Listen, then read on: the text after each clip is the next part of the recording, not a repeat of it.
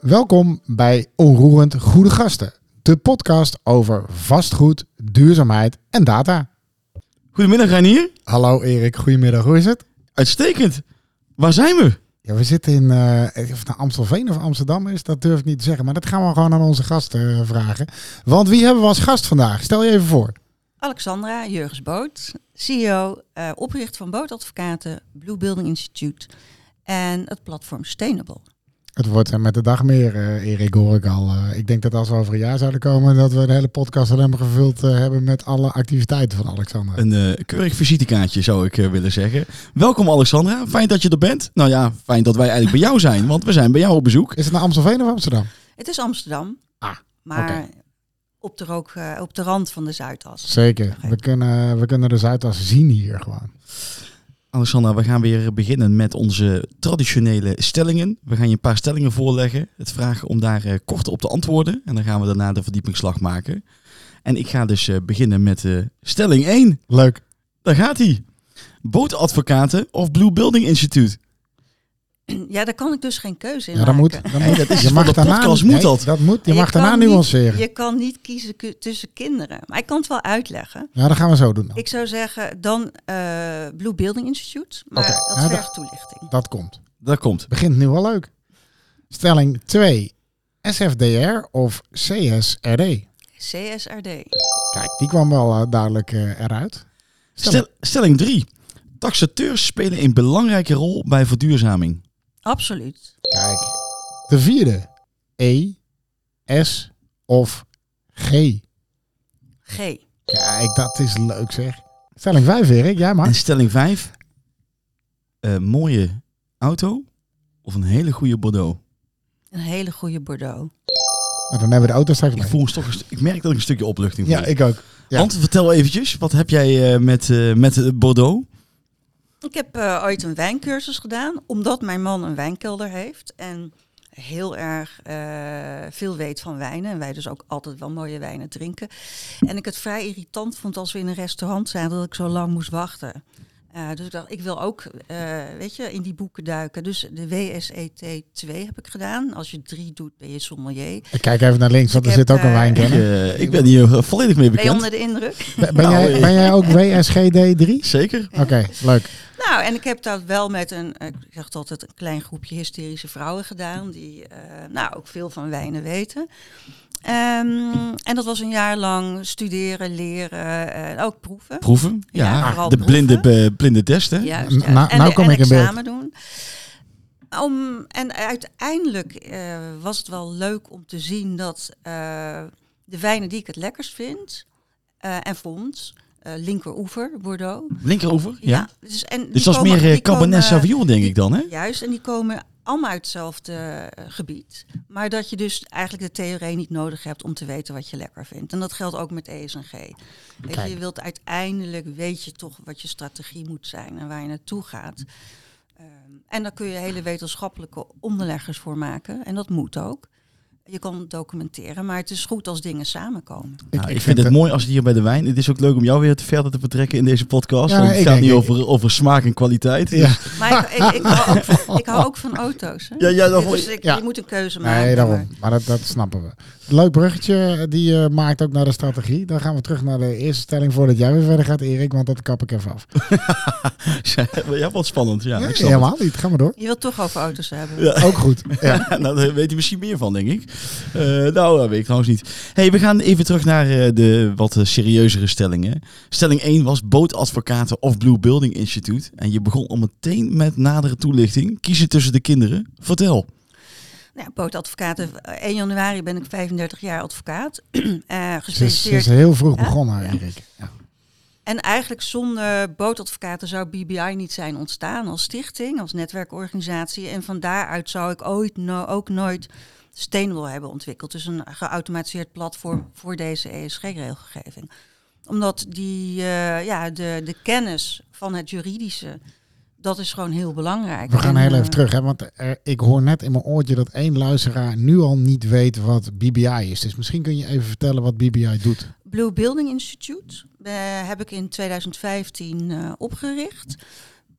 Dat kwam omdat er, eh, eigenlijk ging het toen ook al over verduurzaming. En ik dacht toen al, verduurzaming vanuit de E, het vergroenen, dat is eigenlijk makkelijk. Toch, dat is het makkelijkste. Gewoon je lampen, je licht, verwarming terug. Maar de S van eh, social en eh, human sustainability, dat was toen nog volkomen onbekend, ook nog lang voor corona.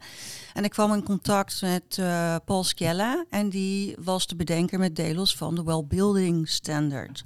En die Wellbuilding Standard eh, hebben wij toen omarmd in het kader van, nou, je- je, kan meer doen dan alleen eh E, dus vooral vanuit de mens, want gebouwen zijn ontworpen voor mensen en niet omgekeerd.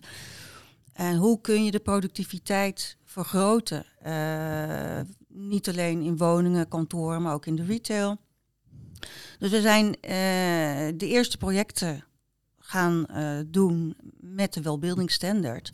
En van daaruit heb ik de kennis ook opgebouwd op de S van social. Omdat het niet alleen gaat om het licht en geluid, want wat het allemaal doet voor jou als mens. Maar ook mindset, fitness, voeding. Ehm, dus ik ben in 2015 al ja, zeg maar de weg opgegaan met deze inhoud. Waarop heel veel beleggers ook letterlijk tegen me zeiden... ja, maar Boot, waar zit dan die hockeystick in mijn spreadsheet? Ik bedoel, hè, waar zit de verdiencapaciteit? Na COVID, dat heeft natuurlijk enorm ook geholpen... was iedereen er al van overtuigd... ja, het is heel belangrijk om... eh, hè, we gaan weer gezond terug naar kantoor. Hoe dan, wat dan? En er is meer. Ehm, en wat je nu met name ook in jullie podcast vaak hoort over de S. Betaalbaarheid, maar ook de community. Maar het gaat verder dan dat. En dat komt allemaal weer terug. Daar komen we zo misschien wel op op de regelgeving. Maar wat is BBI? Ja, Wat doet het met name precies? Ja. BBI, eh, mijn visie was, je moet connecten. Eh, dus niet, hè, de, de vastgoedmarkt is gefragmenteerd. Ehm hij was hij heeft dat laatst ook nog eens bij een eh, bijeenkomst van Colliers gezegd. Ik, ik krijg al die mensen niet bij elkaar met één agenda. Dus we hebben NEPROM, we hebben Bouwen Nederland, we hebben de makelaars, eh, eh, de taxateurs, de bouwers, de ontwikkelaars. maar we hebben allemaal hetzelfde belang. Dus mijn doel was, en dat is voor een deel ook wel bereikt, dat ik de hele keten aan elkaar zou kunnen verbinden. Dus de eerste die bijvoorbeeld aansloot was Ahold. Anneke de Vries was toen nog hè, daar eh, werkzaam en zei ik wil de gezondste werkgever zijn. ABN AMRO was partner, eh, de Bouwers, Deerns, eh, BAM. om ook dezelfde terminologie te gaan gebruiken. Dus een netwerkorganisatie om te verbinden ja, de, de verschillende partijen met hetzelfde doel. Hoe gaan we voor de mens het beter maken, de gebouwen ook een betere plek geven? Maar voor wie doe je dat dan? Hè? Want je noemt al die stakeholders, maar voor welke stakeholders doe je dit? Voor alle stakeholders, dus juist de hele keten. Want dat zie je nu ook met de regelgeving waar we over moeten gaan rapporteren. Het gaat om de keten. Het gaat niet op zichzelf om, ben ik nou een belegger? Maar dat, dat ga ik zo toelichten. Maar Ja. Blue Building Institute is begonnen met die Well Building Standard ook op de kaart te zetten. Maar daaromheen ook eh, uitleg te geven wat dat betekent en wat het rendement ook financieel is. Dus een van de eerste rapporten die uitkwam van Stoke eh, een club uit San Francisco, die konden berekenen wat een investering in gezondheid betekende. Niet alleen voor de mens, voor de productiviteit, dus het terugdingen van ziekte zijn, maar ook voor de vierkante meters. Ehm, dus ook het, het, het bewijs vinden. Dus niet alleen maar leuk, weer een label of weer een certificaat. Maar wat is dan de, de kennis erachter en, en ook het financieel resultaat? Nou, en die kennis, eh, ik zeg altijd, je moet niet weer beginnen bij, eh, bij af, maar ga verzamelen wat er is. Eh, en doe daar een strik omheen en van daaruit verder. Want het is natuurlijk ja, zeg maar het hot thema van dit moment. Hè. Ook naar alle bedrijven die moeten verder gaan rapporteren naar de toekomst. Hoe zie je dan, als je dan even nou, die, die wetgeving die komt, eh, even heel concreet maken. Hoe kan, wat kan Blue Building Instituut dan betekenen? Ik heb nu een bedrijf, ik, heb, ik krijg dit op mijn bord. Je hebt een vastgoedbedrijf. Ik heb een vastgoedbedrijf, wat ga ik doen? Je moet eh, op basis van, het is, het is er al, hè? dus de. SFTR is er al, de taxonomie is er al en de CSRD eh, is er al voor een deel. En voor een deel gaat het uitgerold worden over wat kleinere bedrijven. Ja. Het is een drieluik en op basis daarvan moet je strategie ontwikkelen en rapporteren. Eh, wat wij vervolgens hebben gedaan, want daar komen de zaken dus samen. Eh, de kennis vanuit het Blue Building Institute met de S ook vooral en de G. En mijn kennis als jurist, advocaat, eh, die die agenda van Europa is ontzettend groot en uitgerold. En wordt nog verder uitgerold. Een deel daarvan hebben wij gezegd dat gaan we automatiseren. Want uh, jij moet bijvoorbeeld ieder jaar ook je uh, inkomstenbelastingaangifte doen. Maar je hebt nooit de hele wet inkomstenbelasting gelezen. Nee? Maar je kunt toch je Nee, aangifte doen, hoop ik. Hè? Eh, of je besteedt het uit. Nou, dus deze eh, regelgeving is zo breed, groot, met allerlei annexen. Ehm, dus we hebben gezegd, we gaan mensen hierin helpen. Want als je nationale Nederlander bent, dan heb je wel 1500 man compliance zitten. Maar voor een gemiddeld bedrijf met 10 man op kantoor, het is ook niet het leukste werk, moet je het makkelijk willen maken. En dat is een andere gedachte dan urenmaal tarief. Hè. Dat is echt, je wilt ontzorgen. Eh, je wilt zorgen dat mensen eh, dit snappen, eraan kunnen voldoen. En dus hebben we die regelgeving la belastingformulier geautomatiseerd. We zijn begonnen met de dus, je- dus je ontzorgt. Daar komt het eigenlijk op neer. Je ontzorgt voor de ontzorgt. kleinere eh, Ja. ondernemer die hierover moet rapporteren, omdat het vanuit Europa moet. Mag ik het zo samenvatten? Dat kun je zo samenvatten. En het is eh, betaalbaar, maar het is ook overzichtelijk. Dat is ook Want belangrijk. waar de meesten nu bij zitten is een strategie op CSRD, hè, de dubbele Ja, we, gaan, we gaan het even uitleggen, Alexander. Want ik weet echt zeker dat er mensen zijn die luisteren, die weten niet eens eh, van het bestaan van SFDR of CSRD. Laat staan het verschil ertussen. Dus misschien kun jij heel kort, eh, zeg maar in twee zinnen uitleggen wat is SFDR, wie moet dat doen en eh, CSRD hetzelfde. Ja. SFDR richt zich op financiële marktdeelnemers.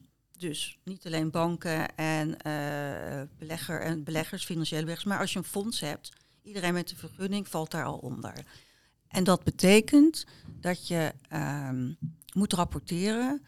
Je principles adverse impact. Je moet eh, rapporteren op productniveau en op entiteitniveau. Veel vastgoedpartijen hebben een ingewikkelde structuur. Dus bijvoorbeeld een pand. Hè, Een SPV. Juist, en dan moet je dus heel veel rapporteren. En dan zou je dus zoveel verschillende rapportages moeten maken. Dat, dat wordt gewoon veel te duur. Dus als je daar een ad- advocaat op zou moeten zetten of een eh, accountant, controller. Maar, maar even naar de kern, hè? want probeer even kernachtig te maken, want anders eh, dan haken mensen af. Wat moet ik dan rapporteren en aan wie?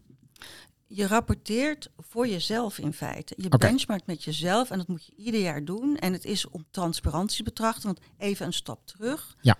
Europa is begonnen met een reallocatie van de middelen, van gelden. En dat begint met de financiële wereld. Die moeten die verduurzaming gaan betalen.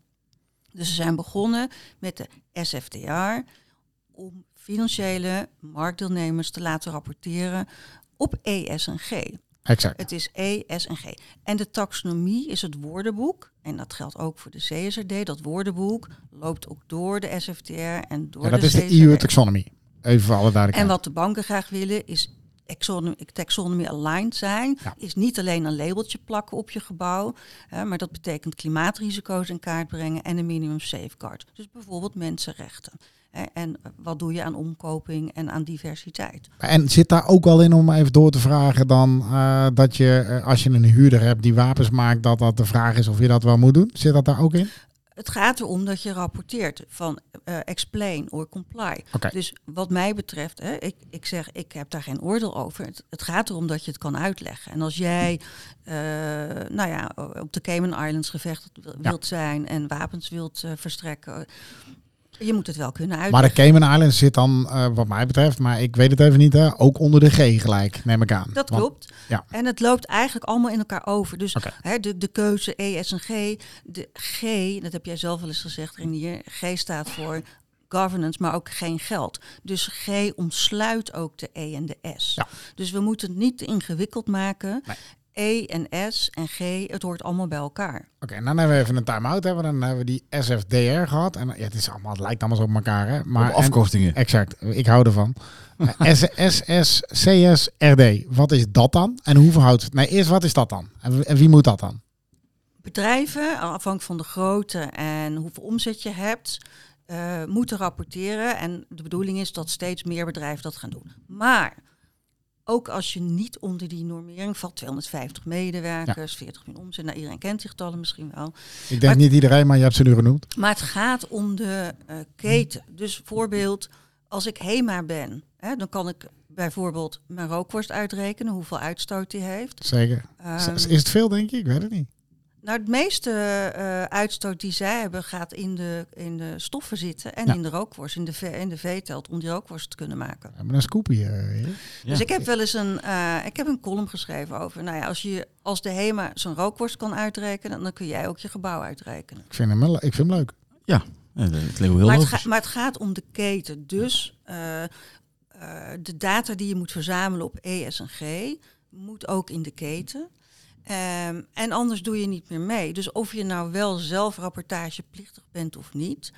eh, onderaannemers bijvoorbeeld moeten ook al data verzamelen, omdat ze anders niet meer voor bepaalde projecten in Ja. aanmerking komen. En zo geldt het ook voor financiers. Die moeten, heb ik begrepen, ook voor zeg maar, hun klanten dat ook allemaal weer in beeld hebben. De data die je aanlevert vanuit de bedrijven CSRD zijn weer input voor de SFTR. Ja, dus het precies. is één grote verzameling van data op ESG. Maar eh, het hangt wel met elkaar samen en het staat niet los van elkaar.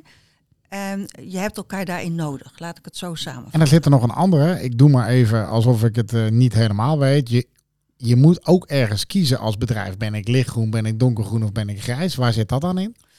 In de mate of je taxonomy aligned wilt zijn Ja. en duurzaamheid promoot of dat je het doet. Nou, we hebben een hele vlucht gezien van artikel 9 fondsen terug naar Exact. 8, want die konden dat niet waarmaken. Het mooie van het systeem is wel dat het bepaalt wat je bent. Dus je hebt niet zoveel keus, want de annexen maken of je ze, als je ze kan invullen of je lichtgroen of donkergroen bent. Waarop bepaalde investeerders die met ons product werken ook hebben gezegd, oh maar dat is mooi, want dan weet ik ook wat ik moet aankopen of verkopen. Want bepaalde, fonds, eh, bepaalde gebouwen kunnen niet meer in, een, eh, in, mijn, in mijn fonds, want dat maakt het dan minder groen. Maar ik kan me voorstellen, als ik even dan terug ga ook naar bootadvocaten en de governance eh, stuk, dat je hier, ja, het gaat natuurlijk een enorme bewoording in dit soort omschrijvingen die cruciaal gaan zijn. Hè. We, we zijn zover of we streven ernaar, een voorbeeldje. Ik kan me voorstellen dat het voor jullie een cruciaal moment is om dit voor, om in ieder geval om bedrijven te helpen dit goed in te richten. Daarom is het ook zo leuk om dit eh, ook vanuit bootadvocaten te benaderen, omdat je daar ook in opschaalt, omdat die verduurzamingsregelgeving op vastgoedgebied maakt dat je nog steeds en nog meer relevant kan zijn. Dus daarom zeg ik, je kan ook niet kiezen, want waar ik tien jaar geleden stond met boot, nou, we hadden nog nooit van de CSRD gehoord. Ehm, en met Blue Building Institute en nu met Sustainable, maar ook wat er allemaal aankomt, denk ik, het, is, het gaat in elkaar op en het gaat in, met elkaar samen. Maar je, hebt net wel gekozen, hè? dus dat is wel leuk. Dat is de volgende stelling. Dus dan gaan we dat toch even eh, zien. Eh, maar waar staan we nu? Vanaf wanneer is deze... Ik, ik, zit, ik, ik luister deze podcast en denk, ja, ik moet daar denk ik ook wel mee. Want ik heb 250 eh, medewerkers of ik heb omzet 40 miljoen of een van die andere criteria. Vanaf wanneer moet het? Want niet alles is al van kracht volgens mij. De SFDR is wel van kracht. Exact. Is, eh, vorig jaar en de eerste rapportageverplichting is van eh, juni vorig jaar. Betekent dat je nu weer moet gaan nadenken: ga je knippen of plakken of ga je het jezelf een beetje makkelijker maken? En je moet ook ieder jaar weer opschalen. De CSRD is voor grote bedrijven al in werking en wordt eh, verplichting 1 januari 2025. Betekent verzamelen nu, komend jaar. Precies. Ehm, en het is een journey. Het is niet iets van tick the box. Als je kijkt naar de eerste stappen die je moet zetten, dat is een dubbele materialiteitsanalyse. Dat klinkt heel zwaar, maar het gaat erom wat zijn mijn risico's, Eh, hoe ga ik die allokeren, maar waar ga ik vooral naartoe? Mooie titel ook wel, CSRD, The Journey. Ja, ik, ik vind hem perfect. Er komt geen AI aan te passen dit En, keer. en, en ik zie heel veel partijen nu worstelen met eh, de keuzes die ze dan moeten maken. Maar begin gewoon ergens. En zeg, je kan niet op twintig fronten de wereld gaan veranderen. Maar je weet als CEO toch ook wel waar je bedrijf staat. Maar ik En- begrijp dat het dan bijna op, zeg maar, op, het, op 82 eh, beoordelingsformulieren en weet ik wat allemaal, dat het daar ongeveer gestoeld op is, die EU-taxonomie, wat ze allemaal moeten aanleveren. Dus het is een gigantische klus, lijkt Nou, mij. het zijn, dat leg je net uit. Het zijn Ja. 300 pagina's met allemaal ook weer bijlagen. En het verandert ook iedere keer. Want gisteren is bijvoorbeeld weer een, wijziging komen op de SFTR. Dus je moet het wel bouwen. Maar juist daarom hebben wij het makkelijk Ja, snap maken ik, ja. met een soort blokkendoos. Ja, dus, Letterlijke blokkendoos. dus jullie onthouden. We moeten heel even, eh, zeg maar, wil ik naar de volgende stelling gaan om het bruggetje er even te maken. Eh, ik denk dat het, ik snap het in elk geval. Nou, over het algemeen gesproken, ik snap, denk ik altijd, snapt iedereen het. Snap jij het ook, Erik? Zeker. Fijn, wij snappen het, dus dat heb je goed gedaan. Want dat betekent dat de meeste mensen dat ook wel zullen snappen. De volgende vraagstelling was SFDR of CRZD. En jij koos voor de laatste. Waarom? Omdat dat een uitgebreidere, voor meer bedrijven, 50.000 in Europa, verplichting wordt. Per 1 en Of 25 is, weten we ja. net. En, En- en hoeveel in Nederland van die 50.000? Weet je dat? Durf je dat te zeggen? Nee, dat durf ik niet te zeggen, maar ik denk toch zeker wel minimaal 10.000. En hoeveel denk jij van die 10.000 dat die dat zelf al weten of daarmee bezig zijn? Dat Nou, zijn eigenlijk twee denk, vragen. Ik denk 80% weet het nog niet. En er is er dus ook nog niet mee bezig. Dus oké. Dat is, een, eh, dat is een gigantisch aantal. En, en hoe komt dat dan? Omdat die regelgeving eh weerbarstig is. Er is ook vanuit economische zaken, waar we ook contact mee hebben met CER en MVO, ehm, ja, nog maar een bepaald, beperkt aandacht voor. Het is natuurlijk ook heel snel gegaan. En wij zaten er al vroeg bovenop, maar het is voor heel veel ja, nog onduidelijk. Vandaar ook dat wij zeggen, we beginnen nou ook met trainingen, met cursussen om uit te leggen wat je moet doen, wie het moet doen, waarom je het moet doen. Maar ook vooral ga aan de slag. En moet dat dan, is dat dan bij voorkeur? Want jij zegt we gaan trainen. hè? Nou, dat is altijd belangrijk. Ook in duurzaamheid, alles wat we tegenkomen. Maar ben je dan nu ook de enige die daarbij kan helpen? Zijn er meer spelers in die markt? Hoe, hoe zit dat? Er zijn meer spelers in de markt, maar het lastige daarvan is dat die het of aanvliegen vanuit de E. Dus je ziet redelijk wat databedrijven ontstaan die zeggen: ik haal je data op uit je gebouwen. Nou, hartstikke goed, mooi, mooi startpunt. Maar de S, daar hebben ze dan te weinig ervaring mee. En de G wordt gezien als een administratieve handeling, wat het niet is. Want nogmaals, de G omsluit de E en de S. Dus je moet iemand in huis hebben die dit snapt. Je moet de protocollen eh, eh, weten. En je moet ook de juiste vocabulaire gebruiken. En de juiste lijstjes afvinken. Maar, maar stel nou, Alexander, het is 1 januari 26. Eh, dan heeft iedereen, iedereen moet eraan voldoen. Weten we ook wie dat moet gaan handhaven? Want in Nederland, hè, dat hebben we ook gezien, dat zien we ook bij die kantoren C-label. Wie is verantwoordelijk om die handhaving te doen? En denk jij dat dat ook gaat gebeuren? Ja, dat is een drieluik. In de eerste plaats is dat de AFM. Die gaat handhaven. Die kan bestuurlijke boetes opleggen tot nou, ja, 1 of 5 miljoen. Dat is best nog wel Dat is wat. eh, per- significant, lijkt mij. per overtreding. Ehm, de AFM handhaaft ook taxonomie, maar ook een stukje CSRD. Althans, zij houden toezicht op de accountants. En dat wordt straks, eerst is het een limited assurance en dan een reasonable assurance. Dus de controllers zijn belangrijk. Ehm, die moeten intern weten welke protocollen, en dus ook weer G, moet ik volgen. En eh, die zullen ook moeten leren over wat ENS inhoudt. Dus dat is één. Dus eh, wettelijk is geregeld wie moet handhaven. Dan heb je een tweede risico. Dat zijn dus de controllers die uiteindelijk, of de accountants, sorry, die misschien een goedkeuring op termijn gaan onthouden aan de jaarrekening. Want het is onderdeel, belangrijk om te vermelden, ehm, dat die hele duurzaamheidsverslaggeving eh, wordt onderdeel van het geheel. Dus het is een apart onderdeel in het verslag wat je moet hebben. En wat ook geaudit moet worden op een aantal vlakken, op strategie, target, matrix, performance. Ehm, dus je komt niet meer weg met woorden, want het is niet alleen maar legal. Nee. Het gaat om bewijs. Het Ik gaat het. om Ja. hoe toon ik dat dan aan en waar blijkt dat dan uit. Dus wij zijn ook al voor, juist voor vastgoed connecties aan het maken. Bijvoorbeeld op klimaatrisico's. Wat is dan je overstromingsgevaar? Wat is dan eventueel eh, eh, schade aan fundering? Of hoe zit het met biodiversiteit? Het grappige is dat je dat op postcode niveau al kan eh, uitlezen. Ja. Dus En gaat het dan om materialiteit ook daarbij? Die risico's? als dat voor jou materieel is, als jij dat belangrijk vindt, dan kun je daar op rapporteren. Ja. Ehm, dus daar komt het ook in samen. Dus dat taxonomy alignedness, dat ziet alleen op E, maar de klimaatrisico's en daar dan ook weer eh, de minimum safeguards bij, maakt dat je hoger scoort bij banken. eh, die eh, dat belangrijk vinden, omdat ze zelf ook in duurzaam moeten investeren en geen geld meer mogen uitlenen aan bedrijven, zoals jij zegt, die in wapens handelen en alleen maar nou ja, niet met duurzaamheid bezig zijn. Dus de banken, dat is twee. En drie, vergeet ook niet de eh, risico's juridisch gezien, dus de aansprakelijkheid vanuit aandeelhouders, vanuit eh, ehm, uh, klimaatactivisten. En dat zien we dus steeds meer en meer en meer. De hele bedoeling van die Europese regelgeving is één, de transitie naar een duurzame economie vanuit de financiering. Maar twee, ook het beheersen van risico's um, en daarin transparant zijn. Dus het vergelijken van het ene bedrijf met het ander. Uh, hoe sta je erin? Maar hoe sta je er echt in? Hoe toon je het aan? En waar blijkt dat uit? Ik wil ook niet van een bruggetje maken naar uh, wat je net zei over de overstromingsrisico's en die zaken. Heel actueel uh, thema op dit moment, uh, ook binnen de, de, de taxateurs in Nederland. De, de, de duurzaamheidsparagraaf gaat vanaf half februari live.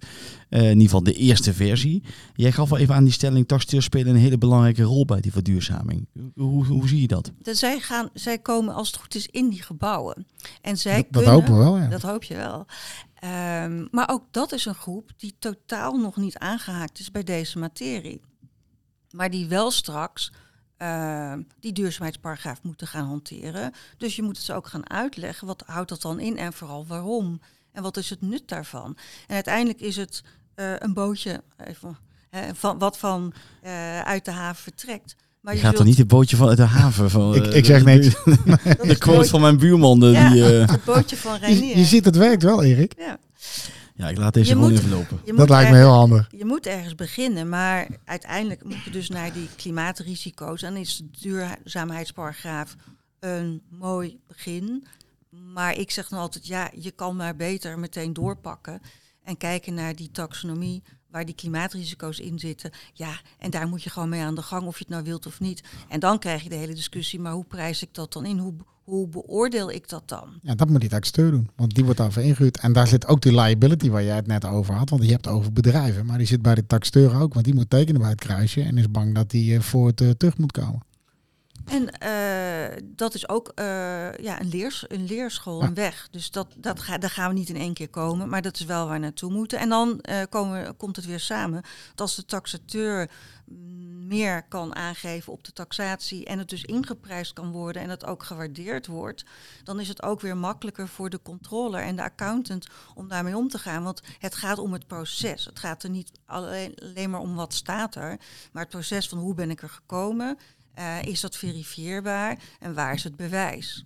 Dus dat betekent dat ook hier een belangrijke rol ligt voor die taxateurs om dit mee te nemen. En uiteindelijk, ik denk onder de G, hè, die, die uh, SRVD en CRZD vallen natuurlijk onder de G van ESG, denk ik, mee ja. eens toch? En dat op die manier dan in te prijzen in de marktwaarde die ze afgeven. Ik denk dat het is. Ik denk het ook. Het leven maar, kan soms heel simpel zijn. Ja, eindelijk wel. Maar ja, het is natuurlijk wel gewoon ook de eerste stap. En je ziet inderdaad ook uh, de journey, vind ik wat dat betreft wel een aardige woord. Die geldt, ja, naast de, uh, die geldt voor eigenlijk de, alle beroepsgroepen die hiermee te maken krijgen. Iedereen zal die stappen moeten gaan maken. En omdat jij dat zo'n mooi, mooi woord vindt, die journey, is deze journey van deze podcast ook alweer bijna ten einde, uh, Erik en Alexandra. Ja, sorry, het oh, gaat zo jammer. snel. We ja, kunnen nog wel uren wil, doorpraten. Ja, dat gaan we zeker doen. Praten. Maar ik moet toch een beetje streng zijn. En, want dus ik la, het la, de laatste vraag is traditiegetrouw voor jou, Erik. Is die traditiegetrouw voor mij? Ja, voor jou. Ja, zeker. Oh, uh, nou, dan zal, op, ik dat, uh, zal ik dat doen, uh, Alexander. Ben je, traditioneel, vraag ik blijkbaar, in ieder geval de, de, de vraag van wie zou jij willen uitnodigen voor deze tot, podcast en wat zou je hem of haar willen vragen? ik dacht eerst Ralf Hamers, om een terugblik te geven over de G. Maar ik ben zelf wel heel erg geïnteresseerd in het strafrechtelijk handhaven. Want een van je vragen was van ja, wat voor bloed vloeit er nou eigenlijk uit voort? Hè? Ja. Dus het civielrechtelijke, het bestuursrechtelijke. Ook, ook je vak, hè? Maar van vroeger zou vanuit, ik maar zeggen. Vanuit, ja. ja, denk ik, ik zou het Benedict Fick willen vragen. Omdat hij ah. vrij veel uh, werkt voor nou ja, uh, activistische organisaties. Uh, onder andere ook met Tata Steel bezig is. ik zou haar willen vragen, hoe zie jij de hele ESG-regelgeving op je afkomen uh, en de rol van bestuurders in dit, in dit geval van bedrijven. Wat voor risico's lopen zij nou echt met jou? Nou, lijkt me een hele leuke vraag en een hele leuke gast die uh, niet uh, direct uh, bij mij bekend is, wel uit de krant, maar niet verder. Dus dat lijkt me heel, heel leuk om haar in de podcast te hebben. Gaan we regelen. Zeker. Ja, dan rest ons niks anders dan jou te bedanken, Alexandra, voor deze geweldige podcast en jouw enthousiaste verhaal. Ik zou wel zeggen, een beetje ja, als, als voortrekker van, van deze ja, laat ik het zeggen, ehm, wat hier allemaal op, op de branche af gaat komen. Jij weet het allemaal, jij kunt hem helpen. Dat doe je met een hele grote overtuiging. Dus heel erg bedankt daarvoor. Erik. Ja, ik sluit nog even graag af met het eh, laatste stukje. eh, mijn eerste eigenlijk. Ja, Ja, toch eh, de kerststol die hier toch voorgeschoten staat bij de Zeker. koffie. Alexander, nogmaals hartelijk dank eh, voor je tijd. En eh En iedereen een mooie kerst. dankjewel. dankjewel.